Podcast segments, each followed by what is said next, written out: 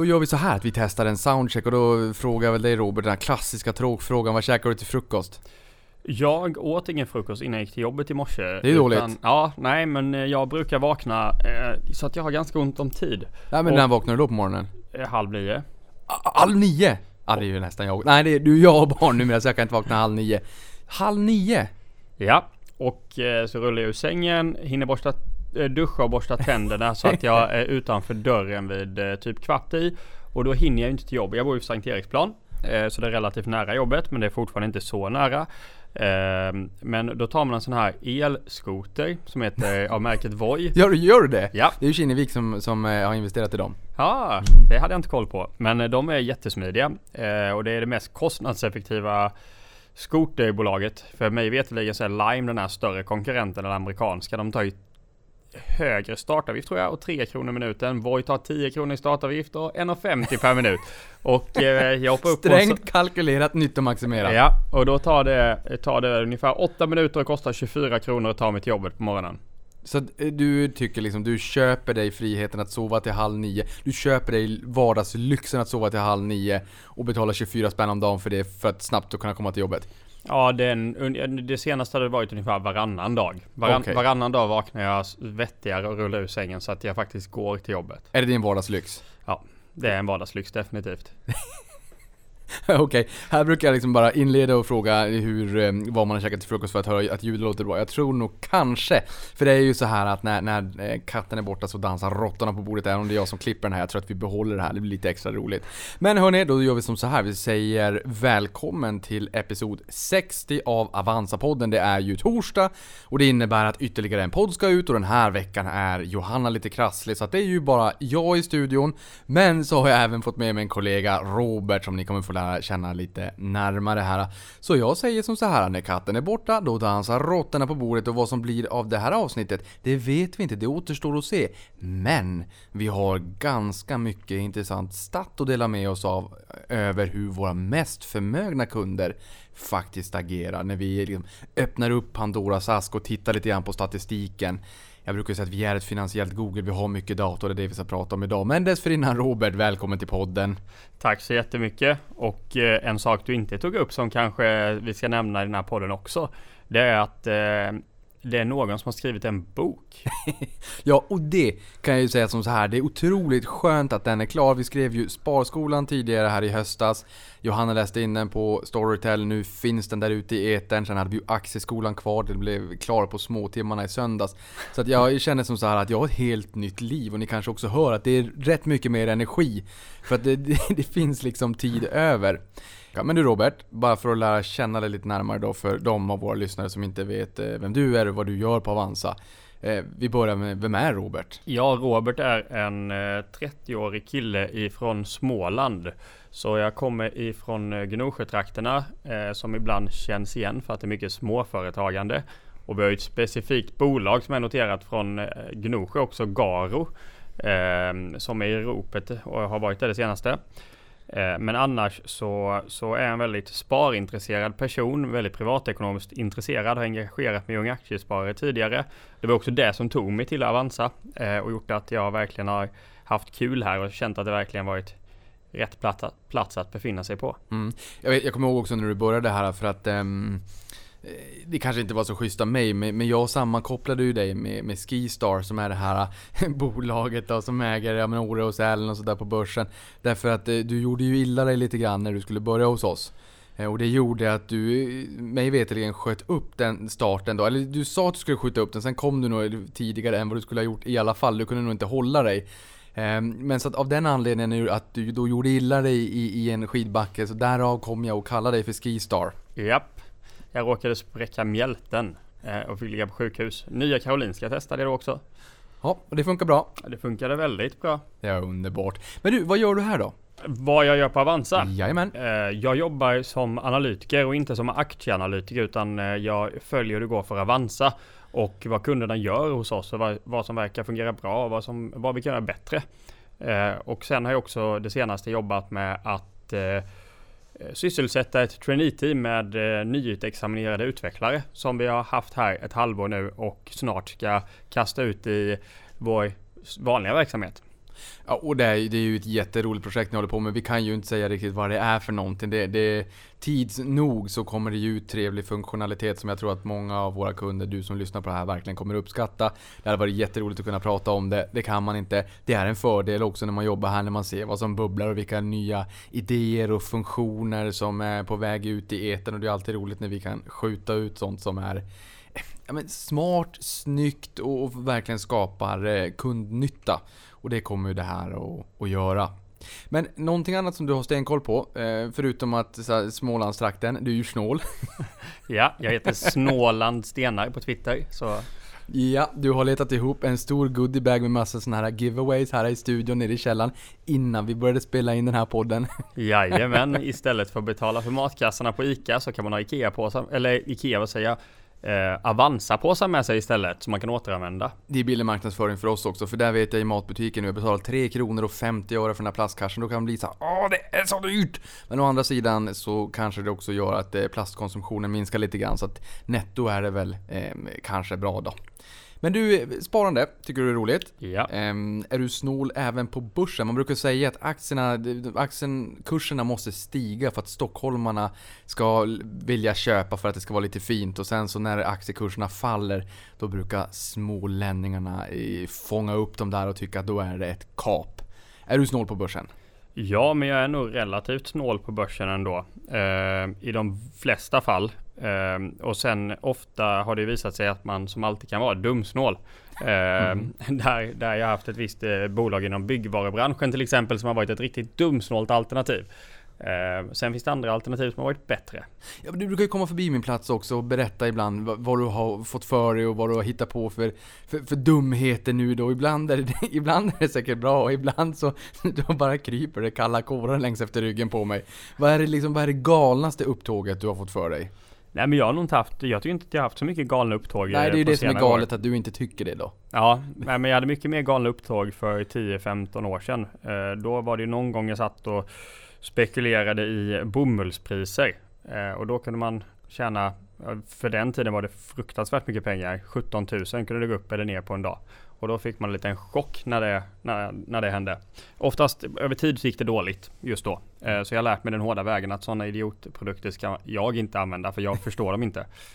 Ja, nej men det, det jag tänker på här också det är ju att du i din portfölj, du du har ju nästan varenda aktie som finns på börsen. Alltså vi har, mig veterligen sist jag kollade, 377 aktier på hela Stockholmsbörsen. Large, mid, small cap.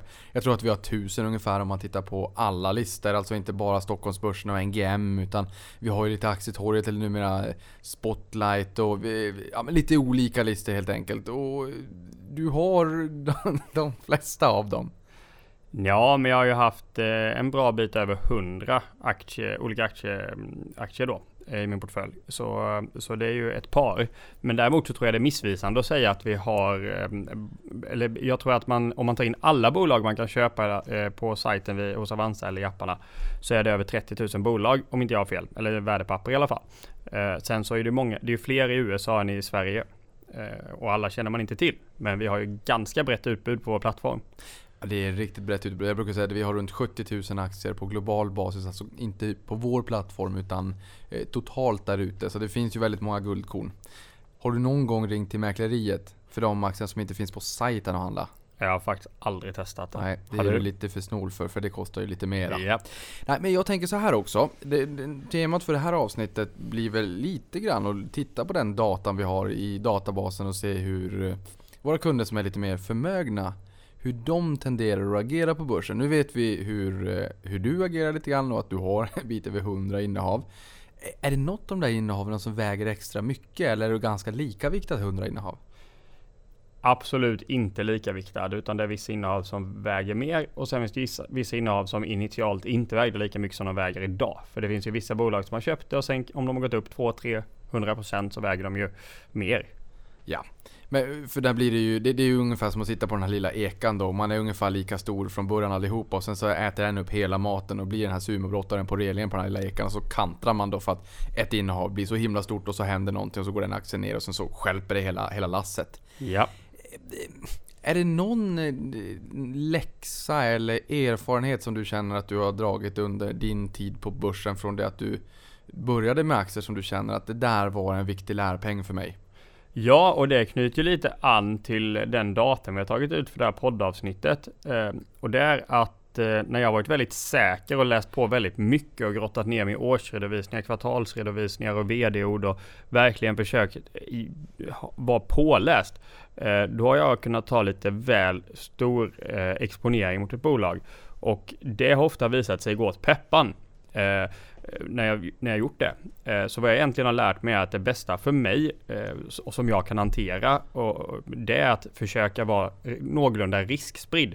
Så att inte tro på ett bolag eller två bolag och lägga alla mina pengar i ett fåtal korgar utan att även fast jag tror på något så måste jag har jag satt liksom regler för mig själv så att jag får inte köpa mer oavsett vad som händer utan istället måste jag ha en uppsättning innehav.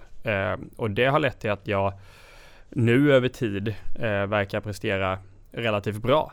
Men eh, de casen jag trott mest på är inte alltid de som har gått så bra. Eh. Nej, för det jag brukar säga också att inget bolag är ju så pass fantastiskt att det förtjänar exklusivitet i portföljen. Och det tar mig osökt in på Euroclears rapport som kom ganska nyligen för andra året i rad. Som visar hur, det, hur aktieägandet i Sverige ser ut. Och det vi kan se där det är att fortsatt så har vi dålig riskspridning i Sverige överlag.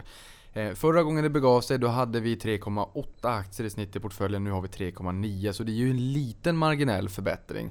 Men nära på varannan sparare nöjer sig med en enda aktie i portföljen och för mig är det väldigt skrämmande. Det är klart, Fingerprint var ju en sån aktie som eh, gick upp jättemycket från 2012 någonstans när det började ta fart. Det var ungefär där också som Netflix slog igenom riktigt med sin streamingsatsning.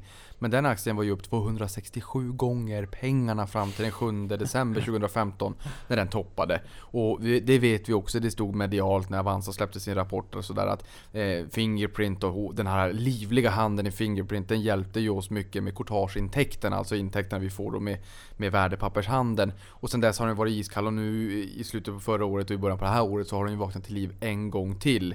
Men det leder ju till att väldigt många köper den här aktien och att det blir en enda aktie i portföljen. Man har hört det i fikarummet eller på något forum någonstans att den här är ju liksom stensäker, den kan inte gå ner. Och sen ser vi återigen det här beteendet även fast vi tjatar om riskspridningen.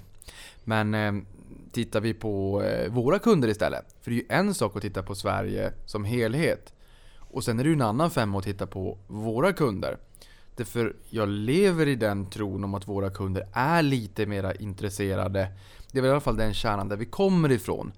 Eh, vi växer väldigt mycket på fondsidan också. Men vi har ju varit väldigt stora och populära just på aktiesidan och då tror jag nog att kanske det här kan se lite bättre ut. Men när jag tittar där, då ser jag ändå att 36% av våra kunder har en aktie. Och 66% av våra kunder har en till tre aktier. Så det här är ju precis som den reflektionen du också drar och det medskicket du ger till lyssnaren att eh, det började gå lite bättre när man faktiskt tänker på riskspridningen. Ja, jag tror att o, ibland så känner kunder eller personer att man måste ha så jättebra koll och vara jättepåläst på allt. Och då eh, tipset många får är ju att ja, men köp det du känner till. Och då köper man Telia, man köper H&M. Eh, men mitt tips eh, i, i de fallen är egentligen, även fast du bara har kanske 1000 kronor, vilket inte, det är en tillräcklig summa att komma igång med. Köp fem bolag Eh, för då, då, lär du dig också mycket mer, för då kommer du se att eh, ja, H&M gick ner idag, eller H&M gick upp idag, men min portfölj eh, gick inte exakt likadant som den enskilda aktien. Och man kan se hur det faktiskt, hur dynamiken hänger ihop sig när man har olika innehav som parerar varandra och parerar varandras utveckling. Och det är en väldigt bra läroprocess och jag tror att det, det, det är alltid mitt råd till alla som ska komma igång. Köp flera innehav. Och läs inte på för mycket innan, utan börja litet och köp nu. Ja, för där är det väl lite grann, det är ju inte som Pokémon det här. Det är ju inte ensam är stark. Utan här är det ju verkligen som aktiespararna säger 10 till 15 aktier i 5 till 6 olika branscher. Men som du säger, börja med 5 då. Få den riskspridningen i portföljen. Se hur den dynamiken faktiskt verkar så att man inte bara har ett enda innehav och sen så blir det liggandes där och sen hinner den, det innehavet kanske gå ner lite grann och innan man har köpt fler, då, har man, då, då är man iskall. Alltså då, då känner man så nej det här har gått ner, det här var ingenting för mig. Och så fick man aldrig uppleva den här dynamiken och den, den minskade bolagsrisken som man faktiskt får om man sprider risken på olika innehav. För att olika bolag påverkas av olika faktorer. Sen är det klart att det är ju inte bra om man har fem oljeaktier. Eller, och det kanske man inte vill ha heller om, beroende på av etiska skäl. Det, det finns ju en sån dimension också. Men det blir ju inte bättre heller om man har fem flygaktier. Och har man tre oljeaktier och två flygaktier, då blir det inte heller jättebra. Det är för att om oljepriset stiger är det bra för oljebolagen, men det är ju inte bra för flygbolagen med flygbränslet som blir dyrare. Så då tar ju de ut varandra så att det blir nästan plus minus noll. Så att just det här med både sprid på risken i antal aktier men även eh, branschmässigt. Jag tycker också om det här Robert, att inte läsa på för mycket. Alltså det jag, jag tänkte när du sa det där, hur menar du nu? Liksom, det är klart man måste läsa på och förstå vad man köper och sådär. Men inte för mycket så att det nästan blir att man tar en doktorshatt i ett bolag när man vågar trycka på första köpknappen för en första 500 eller en första 100-lapp. Utan att våga doppa tån. Det händer ju någonting i magen också. Vad händer i magen när jag köper en aktie? Hur reagerar jag? Blir jag nyfiken? Fortsätter jag följa det här? Och där börjar ju läranderesan. Exakt, och jag tror att om vi försöker säga till eh, personer som ska komma igång att eh, ja, men du måste vara påläst. Då kommer man inte igång och det känns lite jobbigt och det känns lite avlägset. Jag tror att min erfarenhet är också av min egen resa att spara i aktier är att börja Eh, och sen så lär du dig mer genom att du faktiskt sparar i aktier. Och när du också ser att det får en reell påverkan på din privatekonomi. För att du har månadssparat ett tag och du också lär dig på vissa minor. Då, då liksom kan ju ditt intresse växa och då lär du dig mer för varje vecka. Men då lär du dig samtidigt som du får praktisk erfarenhet. Så då, då kan du liksom få feedback på din kunskap. Men att, att, att eh, försöka lära sig allt innan du börjar. Det är lite som att simma på torra land. Det, jag tror inte, jag, jag, eller för mig hade det inte funkat. Nej. Ja, och någonting annat jag tycker är intressant det är ju att se då hur våra mera förmögna kunder agerar. De kan ju ha fått ihop sitt kapital på olika sätt. Man kanske framgångsrikt har drivit ett bolag eller man har fått ett arv. Eller, det säger ju egentligen ingenting om kunskapsmassan isolerat. Men om vi ändå får anta att det kan vara intressant att titta på de kunderna som har lite mer pengar i portföljen. Eh, så kan vi ju se att de kunderna som har minst 3 miljoner kronor. Ja, där har inte varannan kund ett innehav. Utan där har varannan kund fler än 12 innehav. Så det är ju en monumental skillnad i riskspridning. Och där brukar man ju också säga att ju mer pengar du har desto mer riskavärt blir du. Alltså desto mera, när du är ung, eller ung behöver du inte vara, men när du är i början av din sparkarriär. Då är det kanske mera full fart framåt och bygga upp en portfölj. Medan när du har fått ihop ett kapital, då blir det mera håll tätt bakåt, bevara det jag har för nu får jag en grundtrygghet och jag, liksom, jag har en mera solid ekonomi. Jag vill bevara det jag har byggt upp. Så det här är liksom helt annorlunda. Från att ha varannan kund liksom en aktie till att varannan kund har över 12 aktier. Det är verkligen, och sen tror jag att det handlar om förväntansbild ibland. Har du, som våra kunder som har över 10 miljoner kronor, vilket är helt sanslöst mycket pengar och det, det är få förunnat att nå dit. Men där ser vi att de har ungefär 25 aktier i sin portfölj. Men där tror jag också att de, eh, eller genom att de gör det och har en bra riskspridning, så kan de också uppnå en ganska jämn utveckling över tid som ganska väl håller jämna steg eller kanske lite bättre i många fall än börsen. Eh, men de kommer inte uppleva uppgångar på 100% under ett år.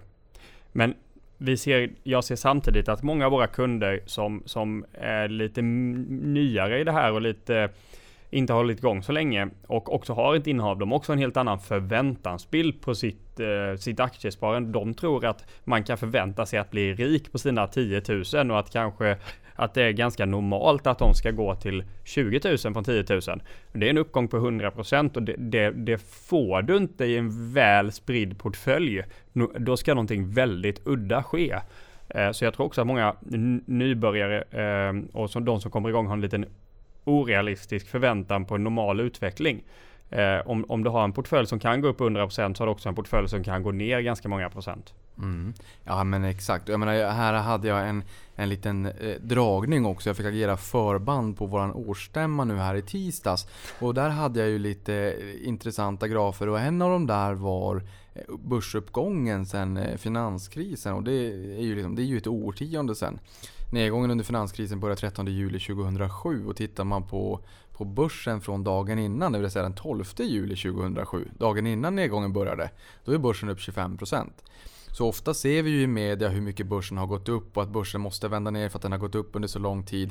Men backar vi bara bak dagen innan nedgången så är vi upp 25%. Är det inklusive utdelningar? Det är det inte. För hade vi då räknat med utdelningen, vilket man alltid ska göra. Och sen vill vi också att man återinvesterar den där utdelningen. Eh, då är man nu på 88%. Exakt. Eh, så att 88% är 5,6% i årstakt. Så det är fortfarande bättre än 1,94 som den andra siffran blir. Och sen, sen, är det ju så att vissa av bolagen har gått upp jättemycket under den här perioden. Och inte nog med att när man har riskspridning och flera olika innehav. Det finns ju faktiskt inte bara en risk att man Vissa tycker ju att om man har för många innehav så blir det lite grann som den här saftbringan. Man häller i för, för mycket vatten och sen har man ingen saftkoncentrat kvar och så smakar det bara blaskigt.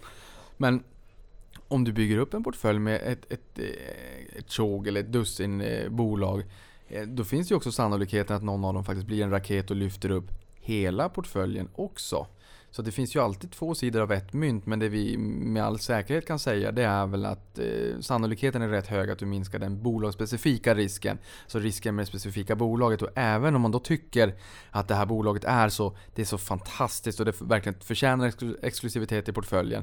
Ja men då kan det ju bli antingen en, någon form av oegentligheter eller bokföringsbrott eller att en karismatisk VD går och dör. Eller som vi såg i början här i, på den här veckan. Att man fick en, en cyberattack mot ett bolag som helt lamslog bolaget var på kursen föll ganska ordentligt. Så att det finns ju alltid risker. Det gör det verkligen. Någonting annat som är intressant, för där sa du då att de kunderna som har 10 miljoner plus, de tenderar att ha lite fler aktier i portföljen. Här har vi en ganska spännande graf framför oss som också visar just det här sambandet mellan hur mycket pengar du har i portföljen och hur många aktier du har i medel. Och jag sa ju tidigare att Euroclear sa att vi hade 3,9 aktier i portföljen i snitt. Våra kunder som har upp till 50 000, där har man 3,7 aktier. Har man 50 000 till en halv miljon, då dubblar man upp den siffran till 7,4. Sen är vi uppe på mellan en halv miljon och 3 miljoner, då är vi uppe på 12,3 innehav. Nu börjar vi komma upp i antal innehav. 3 miljoner till 10 miljoner. Då har man 19,2 innehav i medel och sen så de här 25 som du sa, eh, om det är så att man har mer än 10 miljoner. Så även här ser vi ett jättestarkt samband mellan ett större kapital och fler antal aktier. Sen vet vi ju också att de kunder som har mer pengar också tenderar att vara lite äldre. Och äldre kunder tenderar också att ha fler aktier, att man har samlat på sig mer över tid. Så är det. Ehm, jag tycker det är väldigt intressant att se det också att, ehm, att kapital tenderar också att korrelera med ålder bland våra kunder. Att de flesta kunder som är väldigt rika har ju en ganska ansenlig ålder ofta. Ehm, men att, att de flesta kunder som har varit lite längre i marknaden och har lite längre erfarenhet av att eh, ha köpt och sålt aktier och investerat, att de också väljer aktivt att, att ha fler innehav. Sen så kan de göra, eh, eller en strategi som jag tycker är bra, som vissa kunder använder sig av, det är att de har flera portföljer eh, på sina konton. Jag använder det själv till exempel. Och då om man har eh, innehav som man vill chansa lite på, som man tycker är lite spännande och som man tänker, ja men det här vill jag chansa på. Ja men då lägger jag det för sig i en portfölj eller antingen på ett konto helt ensamt eller så lägger jag det i en portfölj för sig. Och då kan jag se hur mina verkliga stjärnskott eller de jag tror ska vara stjärnskott utveckla sig. Samtidigt som jag kanske kan ha ett långsiktigt pensionssparande där jag vill ha en väldiversifierad portfölj som ska prestera ganska jämnt över tid men ändå förhoppningsvis bra. Det kan ligga separat och där ska jag inte göra de här chansningarna när det riskerar i stora svängningar. Utan där, där ska det vara tryggt. Men det här också gör ju att eh, jag eh, på pappret har fler innehav. Men innebär det också att du skulle kunna se det här som lite grann ett korplag eller en farmalista? Att du, du sätter in de här eh, maybe stjärnskotten så att säga i en portfölj och sen får du se hur de där utvecklas och en dag så kanske du vågar ta in något av de här innehaven i din kanske mera huvudportfölj eller långsiktiga portfölj där du är beroende av lite mera trygghet om man så säger. Definitivt. Förhoppningsvis är det vissa som växer och blir mer mogna bolag och, och som utvecklar sig på ett positivt sätt och då kan man ju flytta över dem. Eh, om man ska vara rent konkret så gör, eller eller har det inga skattemässiga konsekvenser och inga konsekvenser för dig som person att flytta ett innehav från ett eh, konto till en annan. Utan det är bara liksom lite som att flytta din mapp på datorn. Eh, så länge du flyttar det inom samma depåtyp då. Som från ett aktiefondkonto till ett aktiefondkonto eller från ett ISK till ett ISK. Just det. Eh, kapitalförsäkring går i och för sig inte det. Men, eh, Nej det går ju tyvärr inte, då kan man bara flytta likvider. Men det, det är ju ett bra sätt, jag menar det, det där handlar lite grann om mental bokföring också. Man sätter en liten post-it-lapp på de här kontona och sen sätter man kanske barnsparande skrivande eller pensionssparande eller vad det är. Man liksom konterar iväg dem. Då, då hade jag ju tänkt att detta är ju farmalistan liksom, eller, eller korplaget där. Och jag gör ju det här själv också med kassaflödesportföljer med mina stora stabila bolag. Kassaflödesportföljen, namnet vittnar om att det kanske är någon form av utdelningstänk där i. Eh, det är inte det där kassaflödet som bolagen förhoppningsvis då gör. Det kanske de återinvesterar i verksamheten. De behöver inte ge en utdelning men det är större bolag. ja. Och sen har jag tillväxtbolag lite mindre, mera kort i rocken men fortfarande kvalitet. Och sen worldwide då. Och eh, där vill ju inte jag blanda ihop aktier som handlas i utländsk valuta med mina huvudportföljer. För jag vill ju också kunna titta på hur går min portfölj kontra börsen. Går Ja. jag bättre eller sämre än börsen? Då vill ju inte jag att valutafluktuationer, att dollarn stärks eller försvagas mot kronan och, och liksom lite grann förstör för mig att kunna jämföra. För då jämför jag ju mellan två olika valutor. Så det är inte Eh, ja, det blir liksom komplext. Så att jag, jag gillar det här med att ha olika portföljer och kunna ha lite olika strategier på dem helt enkelt. Ja det förstår jag, det håller jag med om. Jag tycker det låter som någonting många borde jobba med. Eh, att man delar in, den mentala bokföringen så har jag ju på, eh, jag har ju ja, en storbank för mitt lönekonto och eh, min vanliga privatekonomi och där har jag ju konton som är mina. Eh, sen har jag gemensamma konton med min sambo. Eh, och de gemensamma kontona med min sambo, då har jag ju dels sådana där våra amorteringar och avgiften till vår bostadsrättsförening dras. Eh, räkningar. Sen har vi ett eh, konto där våra löpande utgifter går varje månad som mestadels består av våra eh, utgifter i matbutiker och liknande. Eh, men sen har vi ju också två andra konton som är ett är lite mer långsiktigt sparande. Det är ett gemensamt konto för långsiktigt sparande. Och sen har vi ett som är för mer eh, så kallat målsparande eller kortsiktigt sparande som till semestrar eller eller dyra inköp som vi planerar att göra i närtid. Så där jobbar vi också med mental bokföring istället för att lägga alla våra pengar på ett konto. Eh, så det är ett underlätta för sig själv så man håller koll på vad man har egentligen. Jag jobbar ju hela tiden med mental bokföring också. Jag tycker att det är väldigt enkelt. Och pengar i min löpande ekonomi går till räkningar och liksom dagleverne och Niklas och Livet AB. Medan eh, portföljen, det är ju kapitalet eller byggstenarna för att bygga ett långsiktigt eh, sparande och en ekonomisk trygghet. Eh, någonting annat som jag tycker är intressant, det är ju våra fondkunder. För där är det i princip var fjärde fondkund som har fler än nio fonder. Eh, vilket är... då har man liksom, man har ganska många underliggande eh, värdepapper. Det har man verkligen. Men sen kan det ju vara spridning kanske på aktiemarknad, räntemarknader, olika geografier, i USA eller tillväxtmarknader, Norden, Sverige, småbolag, storbolag. Men det är ju ändå liksom, det, det är en väldigt, väldigt bra bredd. Det är en väldigt bra bredd. Vi ser också att många av de här kunderna har haft en väldigt eh, bra utveckling i sina portföljer, en ganska jämn utveckling. Eh, vad man dock ska tänka på också det är att en hel del av de här kunderna har vi varit väldigt fram, vi har ju varit väldigt framgångsrika att eh, vi har ju portföljgeneratorn som är ett av verktygen vi erbjuder för kunder att ta beslut. Och det är ju ett verktyg som eh, har varit väldigt populärt. Och väldigt många kunder har använt sig av det. Eh, både, eller både kunder och inte kunder har varit inne och lekt med det här och många som ska utbilda sina vänner och bekanta har varit inne i vårt verktyg och lekt runt.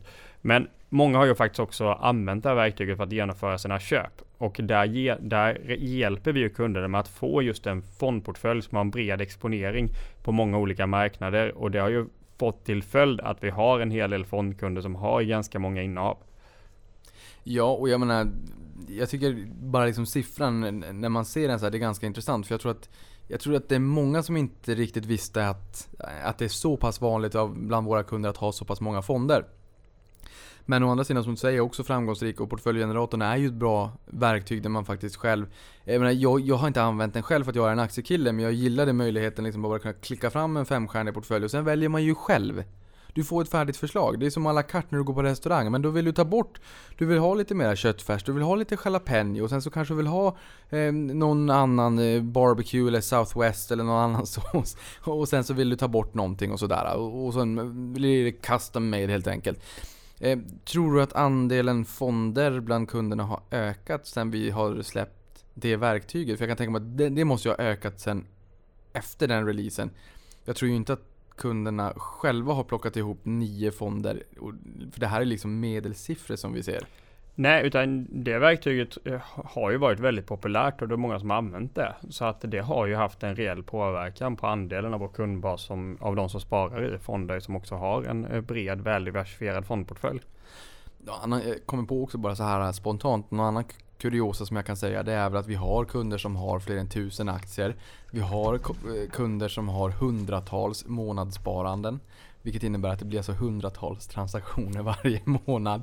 Vilket är rätt galet i sig också. Men det är ju, ja, det är väl en form av riskspridning det också. Eh, men jag tänker så här att i höstas så var det ganska turbulent på börsen. Ja, det var det. Då... Eller turbulent, det brukar man alltid säga när börsen går ner. Men det kanske var ska ovanligt skakigt också? Ja, men det var nog hastigheten i nedgången. Dels både i februari med sysselsättningssiffran som tog många på sängen för att lönetrycket var lite, eh, lite större än vad man hade trott. Det, amerikanska lönerna ökade 2,9% i årstakt och då kunde man tänka sig, jaha hur mycket är det då? Ja, det var bästa siffran sedan 2009 och då var man rädd för att amerikanska centralbanken skulle höja räntan och liksom ta bort bålskålen halv två där på natten på en jättetrevlig fest och sådär. För att då kommer Riksbanken ut och säger, ja hörni det är ju en dag imorgon också. Tänk nu på att gå och sova och sådär. Och då kan du ju tänka att folk kanske inte känner riktigt att man tycker att det är en jätterolig idé att gå och lägga sig när toppen, när festen är liksom på, på absoluta toppen och man tycker det är jättekul. Även om det kanske är klokt. Ja. Men sen så var det mycket som gjorde då att eh, det här har fallit tillbaka. Amerikanska centralbanken har sagt i, faktiskt i onsdags nu igår att vi kommer inte höja räntan mycket mera i år. Eller inte alls i år faktiskt. Och sen så var det ju en väldig oro bland techbolagen under fjolåret också. Folk började byta från tech till hälsovård och annat och sen så var det en, en fjärdedel av börsen var techbolag och alla ville ut samtidigt. Och då var det stökigt, det var panik i, i nödutgången. Så börsen föll 17,9%. Min poäng här eh, I Sverige föll den 17,9%. Min poäng är att det är nog ganska mycket jobbigare om man eh, har en till tre innehav i portföljen än om det är så att man har en 25 innehav i portföljen som våra 10 miljoner plus kunder har. För då kommer inte den rörelsen mest troligt vara lika jobbig för tre innehav. De kan absolut falla 20% var eller 30% var. Men det är ganska, det är betydligt mycket lägre sannolikhet om du har en, en bred diversifiering att den kommer falla mycket, mycket mer än börsen. Det är det verkligen. En, en sak som jag, om vi ska tänka på det här eh, med eh, tips till folk som kommer igång. Så är det att eh, våra kunder tenderar att göra kunderna får ofta en, eh, inte kunder utan folk som sparar överhuvudtaget får ofta, och det här gäller nog ännu mer de som, som är kunder, fondkunder på storbanker, får en sämre utveckling än börsen i stort. Eh, och varför då? Jo, eh, många tycker att det låter väldigt attraktivt att spara på börsen när börsen har gått upp. För då tjänar man ju väldigt mycket pengar på att spara på börsen. Så därför börjar man spara på börsen. Eh, och sen har man köpt in då när den, när den gått upp. Men som i julas så, så märkte jag att många som eh, jag stötte på frågade mig motsatt fråga. Och det var ju, jag tänkte sälja alla mina fonder nu. Eller jag har ju sålt alla mina fonder nu. Och vad tror du eh, om börsen fortsatt framåt? Tror du att den kommer sjunka mer? Eh, och var väldigt oroliga, nervösa. Eh, och vad, vad jag tänkte då, vad jag svarade då var att börsen har gått ner mycket. Dina fonder har gått ner en hel del. Men jag har ingen aning om hur det kommer utveckla sig. Och jag vet aldrig det. Hade jag vetat det så hade jag satsat allt jag ägde och hade och varit jätterik. Ehm, så, så, och, nu visar det sig i efterhand att alla, alla de jag talade med som tog beslutet att göra sig av med sina innehav, de har ju förlorat en väldigt stor uppgång. Eh, och nu börjar det nog klia i fingrarna för en del och kanske gå in igen. Eh, och då har man ju missat hela den här fina utvecklingen. Så, så ett bra råd också till många som kommer in det är att inte sälja när det går ner. Eh, snarare tvärtom i så fall. Ja men det är precis, snarare tvärtom att faktiskt fortsätta köpa. Och så här, det, det, är klart, vi vet ju inte om börsen kommer fortsätta ner. Den, det är inte, och det har vi sagt många gånger i den här podden, det är inte speciellt vanligt att börsen går ner jättemycket. Vi hade en nedgång på 58% under IT-kraschen och det var i 473 dagar. Och sen hade vi en nedgång på 73% under IT-kraschen som var i 947 dagar. Det var lite längre. Då steg börsen 71% 99 också. Så det var en riktig mani. Men jag har hört Eh, bekanta som sa att jag kunde gå in i ett möte och när jag kom ut så hade aktiekursen stigit 100%. Det är ju fullständig galenskap. Fullständig galenskap. Men så, så var det alltså under eh, dotcom-bubblan och IT-euforin eh, på sina håll. Och det kan jag väl tycka att vi inte kanske riktigt har idag. Men jag menar här vi har ju våran sparbarometer också. Som, där vi ställer ett antal frågor till sparare på kvartalsbasis. Och då var det ju många som tyckte så att ja, men när börsen har gått upp. Då säger man ja men börsen kommer att fortsätta gå upp. Och när börsen har gått ner, då säger folk ja men börsen kommer nog gå ner. Det är för att man extrapolerar den trenden man redan befinner sig i och det blir nästan lite pinsamt när man zoomar ut perspektivet och inser hur, hur, eh, hur, hur människan tycker att man är strängt kalkylerande, nyttomaximerande och sen inser att man faller ganska lätt in i de här mentala fällorna. Eh, och det är, så här, det är ju mänskligt. Men, men, det är fortfarande väldigt, väldigt lätt att falla in i dem. Eh, det är ungefär som om man singlar slant och så fick man krona. Jag tänkte, aha, nästa gång så får jag klave för att nu har jag redan fått en krona. Ja, den, nej, det finns inget sånt samband liksom.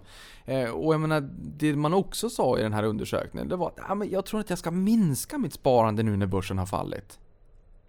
Och det blir ju fel. Jag menar, är det så att man är i början av sitt sparande, säg att man har sparat i ett år och har 30 år framför sig om det är ett riktigt långsiktigt sparande. Säg att det är ett pensionssparande då, för det är liksom per definition lite långsiktigt. Ja, då, då låter det som en våt dröm att börsen går ner. Ja, det är ingen som kommer komma ihåg värderingen på börsen 2019 om man ska gå i pension 2052 som vad jag ska göra.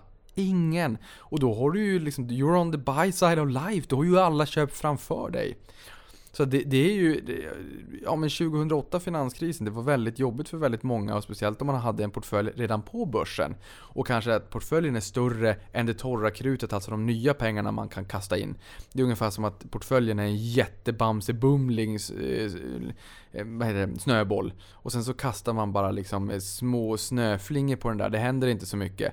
Men om du bara har lagt in några små snöflingor Eh, och sen så skjuter du in en massa nya pengar i början av sparandet, ja men då gör det rätt stor skillnad om det har gått ner.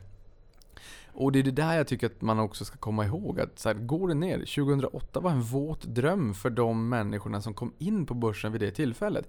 För det jag inte sa där, eh, när jag sa att börsen är upp 25% från dagen innan nedgången, 88% inklusive utdelning. Det är att på botten, sen dess är det upp 325%.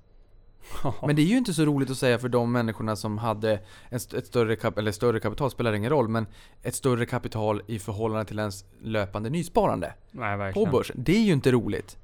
Nej. Men där ska man komma ihåg att de bästa köpen ju görs i de jäkligaste av tider. Och jag tror att jag sagt det här i podden tidigare, men köpte man på botten under eh, IT-kraschen 10 oktober 2002 fick man 27% om året.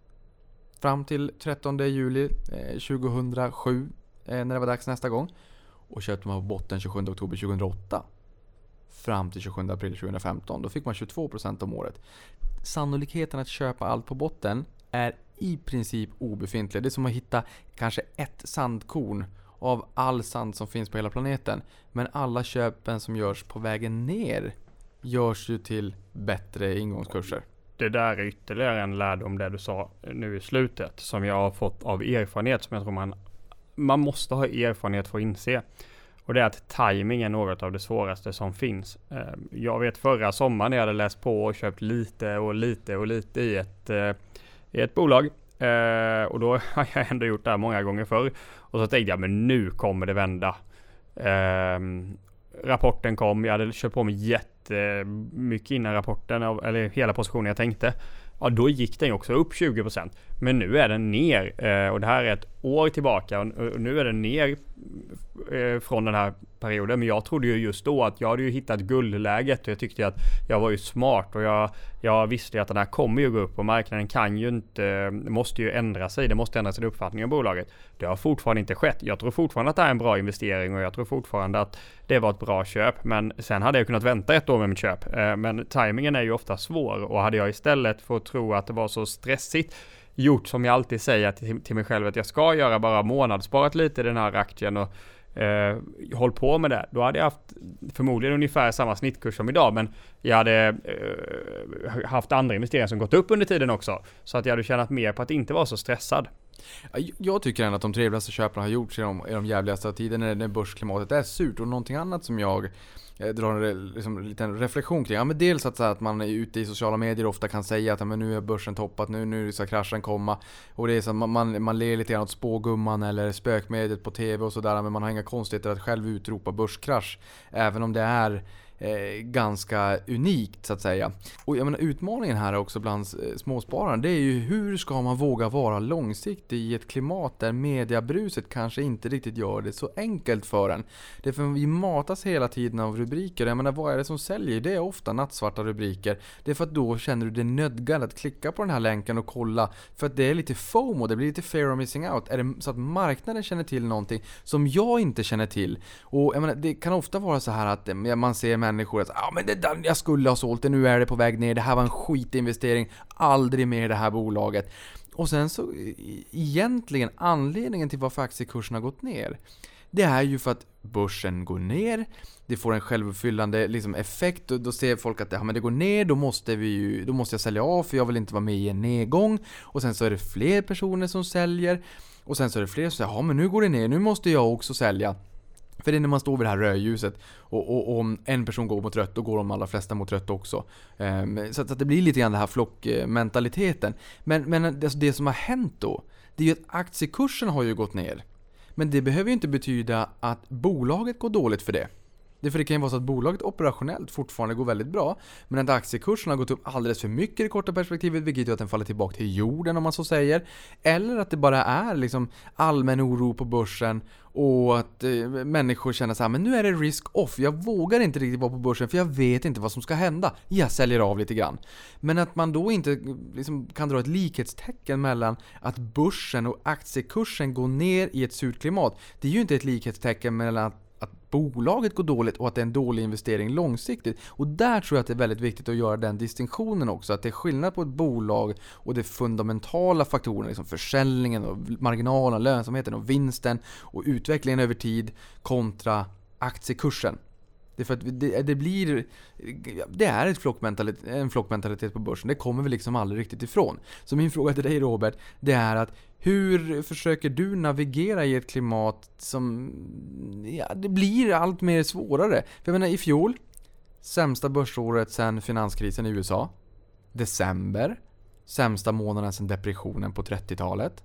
Julafton, sämsta julafton någonsin på börsen. I, alltså intradag så att säga. Annandag jul, för de firade den 25. Största uppgången i punkter någonsin. Så steg de 1000 punkter. Och för att sätta det i relation så börsen föll 508,32 punkter 19 oktober 1987 och det var 23,6 procent. Det var en, en krasch. Nu är ju 1000 punkter idag mycket, mycket, mycket mindre för att börsen står mycket högre så att säga. Men, men man gillar de här eh, högsta och lägsta sen det här. Alltså, de, det var riktigt jobbiga rubriker under förra året. Och sen som du säger, alltså, när man har lämnat, för det var många som lämnade i december. December föll 7,47%. Så många eh, sålde efter att det gått ner ganska mycket. Sen startade året ganska bra. Och januari. Bästa starten på börsen på 32 år i USA. Och folk jagar ikapp den där uppgången som man missade. Nej, och du frågade initialt hur jag hanterade. ja, exakt. Det, det är frågan i slutändan. Ja, eh, och det är väldigt enkelt eftersom att jag, jag är 30 Eh, jag sparar en stor del av det jag sparar, sparar jag långsiktigt. Eh, då när lönen kommer varje månad så har jag, har jag en regel som säger att jag ska sätta in en viss del av min lön på, på Avanza. Jag tar den delen, sätter in den på Avanza och köper innehav för den. Eh, och jag köper innehav för den delen alla månader, varje månad, året om. Eh, och planerar att göra så ett par decennier. Så oavsett hur börsen går så kommer jag köpa. Uh, och på det sättet, jag tyckte det var väldigt jobbigt i höstas för att jag hade, jag hade röda siffror och det, det var väldigt tråkigt att gå in för man kände sig väldigt fattig. Uh, eller man kände, det, det, gjorde väldigt ont i alla fall att usch varför jag, varför jag inte sålt. Men det kommer jag inte göra för jag vet att jag kan inte hantera det där och jag kan inte tajma det. När man försöker så blir det bara fel.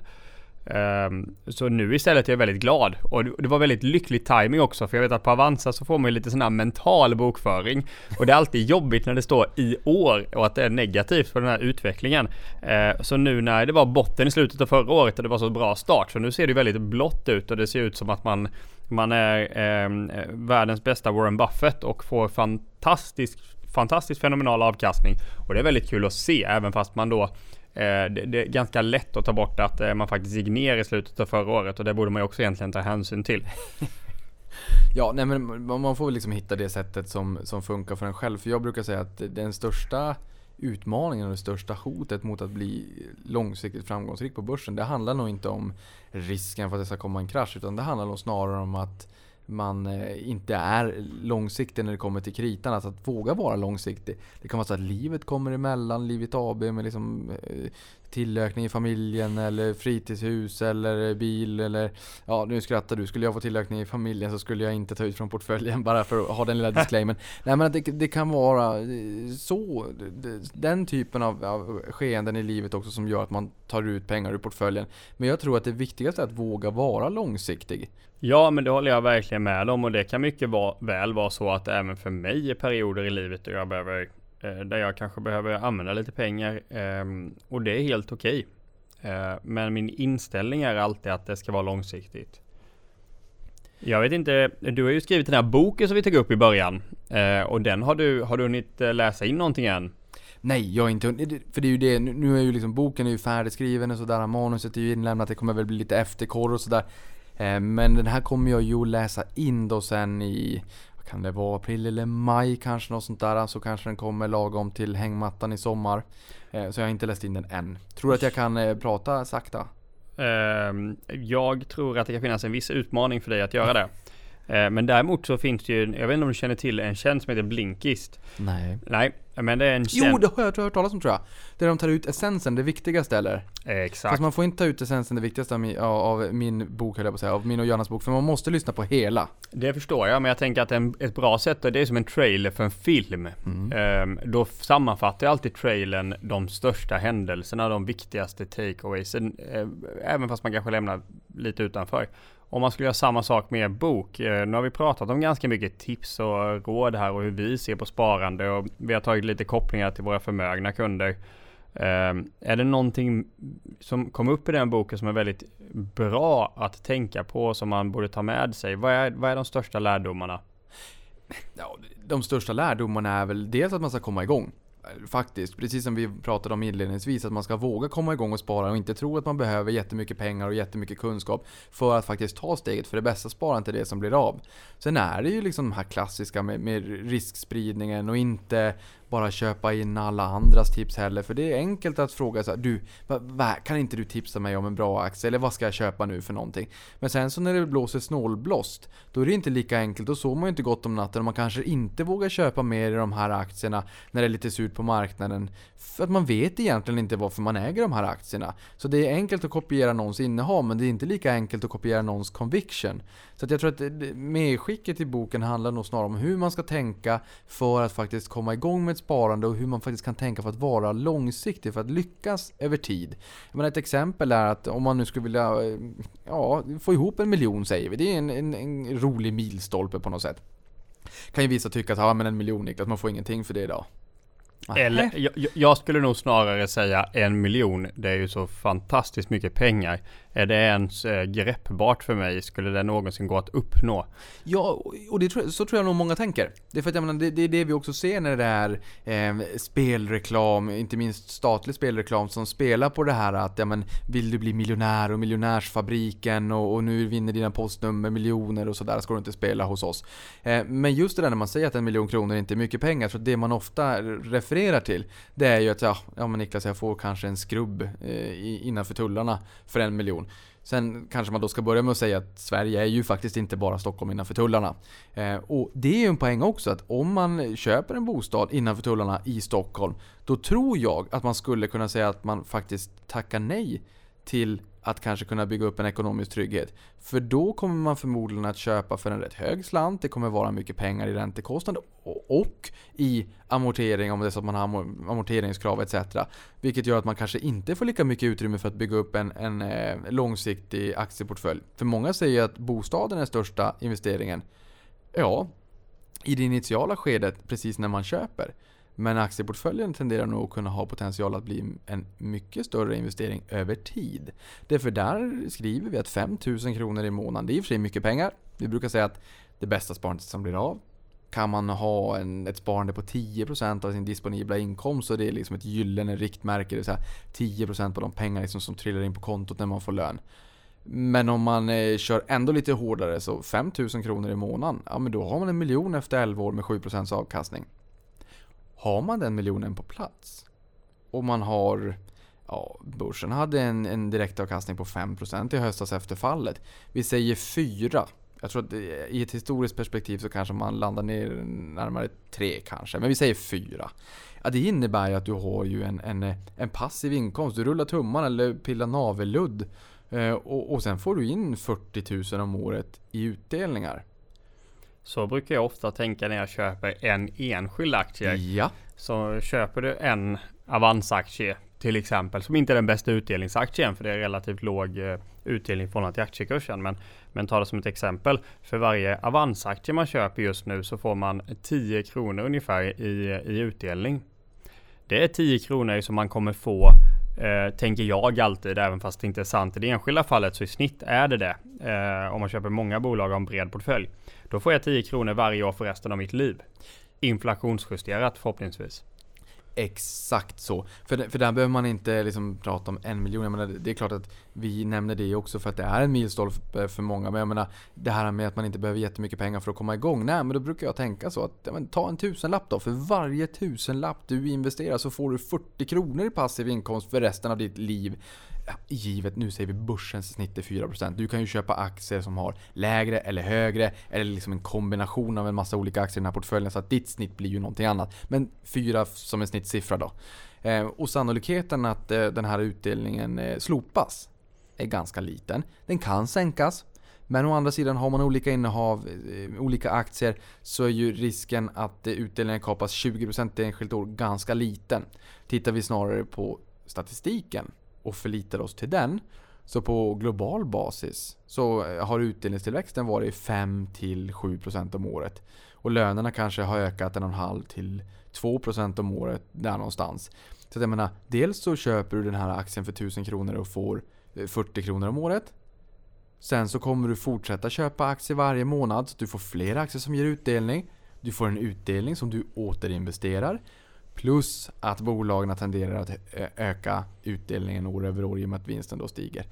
Eh, stiger inte vinsten så ökar ju utdelningsandelen. Alltså andelen av vinsten ökar ju om, om vinsten står stilla. Men det är ju tre faktorer, det är tre komponenter som eh, gör att det här eh, med utdelning är ganska trevligt. Jag tycker totalavkastning är viktigare när man är ung.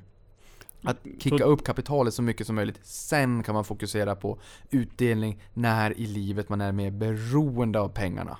Och vill ha en utdelning för att leva på. Totalavkastning skulle jag säga spelar ju egentligen det man alltid borde bry sig om mest. Eh, för även om du är lite äldre så om, om det är ett bolag som inte har någon utdelning men eh, har en hög totalavkastning så är det bara att sälja lite av dina aktier varje år. Eh, så får du ut pengarna ändå. Eh, vad, det, vad det utmaningen är, är ju dock ofta att eh, bolag som eh, man hoppas ska ha en to hög totalavkastning men inte har någon utdelning. Det kan ibland eh, vinklas mot att vara bolag med ganska stora risker. Eh, och att eh, äldre, mer etablerade företag har ofta en utdelning. Eh, och och de, de har ofta en beprövad affärsmodell också. Jag tror att man kan jag tror inte man ska ha det ena eller andra enbart. Utan man, man kan nog vara öppen för att ta både och. Ja, men, men sen är det som du säger, det blir lite grann av en krockkudde. För man vet att får man en utdelning, det är liksom mer eller mindre inom citationstecken en garanterad Eh, avkastning. En direkt avkastning. Eh, för att den här utdelningen får du ju faktiskt. Så att även om aktien går söderut, alltså sjunker, så kommer du åtminstone få utdelningen.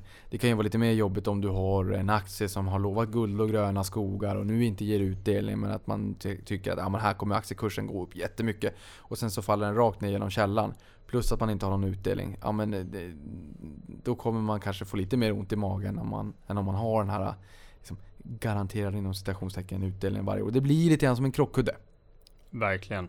Det är för att om en aktie står i 100 spänn har 5 kronor i utdelning, det vill säga 5%. Om den aktien, bara för att börsen är sur, skulle falla ner till 50 kronor och att det inte skulle ha någonting med bolaget att göra, inte påverka intjäningsförmågan, utdelningskapaciteten. Ja, skulle den falla ner till 50 kronor och de delar ut en femma, då är direktavkastningen 10%. Börsen skulle springa, det skulle bli en gubbhög. Eller en gumhög, eller hur man nu vill se det. Eh, och alla skulle kasta sig på att köpa den här aktien. För det skulle klia i fingrarna på köparna. Och därav brukar man säga just att utdelningen blir ju lite grann av en krockkudde i, i, i lite sämre börstider. Ja, ja, men eh, så kan man verkligen se det. Det är väldigt skönt att, skönt att ha den, eh, den, den, det skyddet egentligen. Jag tror där att 2008 så vet jag att Swedbank, SEB och Electrolux slopade utdelningen. Och I Swedbank och SEB under finanskrisen så var det ju nyemissioner. Ehm, så att, mm, ja, det är i och för sig 10% av bolagen i OMXS 30 eller av aktierna. Men eh, just det här med slopad utdelning är inte jättevanligt. Nej, och enskilda, bo även om enskilda bolag gör det så ska man ju komma tillbaka till det vi har sagt hela tiden här. Att du ska inte Eh, jag har haft eh, ett av mina större innehav då i år som har ställt in sin utdelning. Det påverkar ändå inte min totala utdelning så mycket för jag har flera andra bolag som har höjt sin utdelning. Eh, så på sista raden så, så gör det mig inte så mycket helt enkelt. Och det är ju, så borde man alltid tänka. Att även fast ett enskilt innehav eller en enskild aktie skulle råka göra något tokigt. Då ska du inte falla med den. Exakt. Jag har bara en liten eh, siffra också jag vill dela med mig av. Det är att eh, våra kunder gjorde i medel 41 transaktioner under Q4 här i höstas. Våra förmögna kunder. Så att de var ju ganska, ja, men de var ganska heta på gröten. De, eh, de passade på ganska mycket när det gick ner. Och jag menar, tittar vi på då 3 miljoner plus kunder kontra de kunderna som har upp till 3 miljoner kronor så ser vi att eh, de kunderna med de större portföljerna, de eh, sålde faktiskt aktier i augusti. Och börsen toppar 29 augusti, det var väl en lyckoträff. När i augusti de sålde, det vet jag inte. Men då sen nettoköpte man. Oktober, november, december. Eller och september också. Ehm, så att här passade man faktiskt på att köpa mer i fallet och det är ju glädjande att se. Det är de kunderna med mindre än 3 miljoner de köpte också, men de fick lite kalla fötter i november och december. Och min reflektion av det, om jag skulle få gissa, det är ju att man, man får mer ont i magen när man har en, två, tre innehav. Och att man, man mår, man sover mer gott om natten när man har en bredare portfölj. Och då vågar man också köpa på sig mer och man kanske varit med längre också. Men du, sist men inte minst, någonting som jag vet att man är lite nyfiken på också, det är ju vilka aktier som finns mest överrepresenterade i våra eh, mer förmögna kunders portföljer. Så jag tänkte vi kan ju bara kika lite grann på det och se om vi har några reflektioner. Eh, och då har vi Avanza Zero är faktiskt mest populärt. Och då tänker jag mig, många av de här kunderna gillar ju aktier. Kanske mer aktier ändå än fonder, men jag tänker mig, kan det här vara ett sätt att ha det som en grundplatta? Att man har en indexexponering och sen så eh, toppar man det med, med olika aktier. Vad säger du? Ja, kanske, men vi ser också att många av våra mer förmögna kunder har ju inte bara aktier utan de har ju både och. Eh, och det gäller ju faktiskt inte bara, eh, bara våra förmögna kunder. I vår kundbas i stort så har vi ungefär en tredjedel av de som har sparande hos oss som eh, har det i fonder, en tredjedel som har det i aktier och en tredjedel som har det i både och. Ehm, och Avanza Zero har ju varit ett väldigt starkt varumärke för alla. Eh, så att det är ju en vanlig komponent i nästan de flesta portföljer som har fonder hos oss. Mm. Tittar man sen på de aktierna som är eh, populära då är det ju Investor, Hennes Mauritz, Nordea, Volvo, Swedbank, ABB, Kinnevik, Skanska, SEB, Telia. Eh, så det är ju klassiska storbolag helt enkelt. Så det, det är väl kanske föga förvånande och de här aktierna är ju populära i samtliga av våra kunders portföljer men eh, så även i det här segmentet då. Robert, vad har varit liksom avslutningsvis då? Tiden går fort när man har roligt och den här eh, utsvävarpodden på Eh, vi är uppe i timmar nu. Tänker vi, vi avslutar den med att du får berätta liksom, vad har varit det absolut mest roliga minnet under din tid här på Avanza? Du kan säga på din spelning här om du vill. Ja. Nej men det jag tycker, eh, det som har varit roligast, det är ju att se att, eh, att Avanza är ett IT-företag, men också har vi gjort en omorganisation under tiden jag varit här och det var väldigt intressant att se hur den gick till. Och också se vilken kraft jag tror att det kommer innebära för Avanza framåt. Det vi gjorde tidigare var att vi hade eh, utvecklingsteam som var organiserade efter komponenter. Eh, och då vi behövde egentligen, om vi skulle släppa en ny produkt, som när vi släppte Avanza Auto, eh, som, eh, som är en investeringstjänst för de som vill komma igång med fondsparande men inte hålla koll själva egentligen. Eh, då behövde vi involvera 17 utvecklingsteam. Idag så har vi ett team som heter Team Fonder. Eh, det utvecklingsteamet hade gjort allt och det här, det här gör att vi kan från att vi tidigare bara kunde mäkta med ett mindre antal ut, parallella utvecklingsprojekt så, så är det roligaste jag upplevt förlösningens effekt eh, av att eh, vi nu har 17 team eh, som kan jobba parallellt och nyutveckla saker som når våra kunder. Och det är väldigt kul att se. Eh, för, och det kommer också borga väldigt gott för Avanza på lång sikt. För det gör att vi kan släppa väldigt mycket nya saker mot våra kunder på en kontinuerlig takt utan att egentligen någon vet om att vi gör så mycket. Ja, och det, och det kommer ju också vara så att vi har, precis som du säger, det är betydligt mycket snabbare time to market. Och jag råkar ju också veta att vi har väldigt, väldigt mycket roligt i pipeline.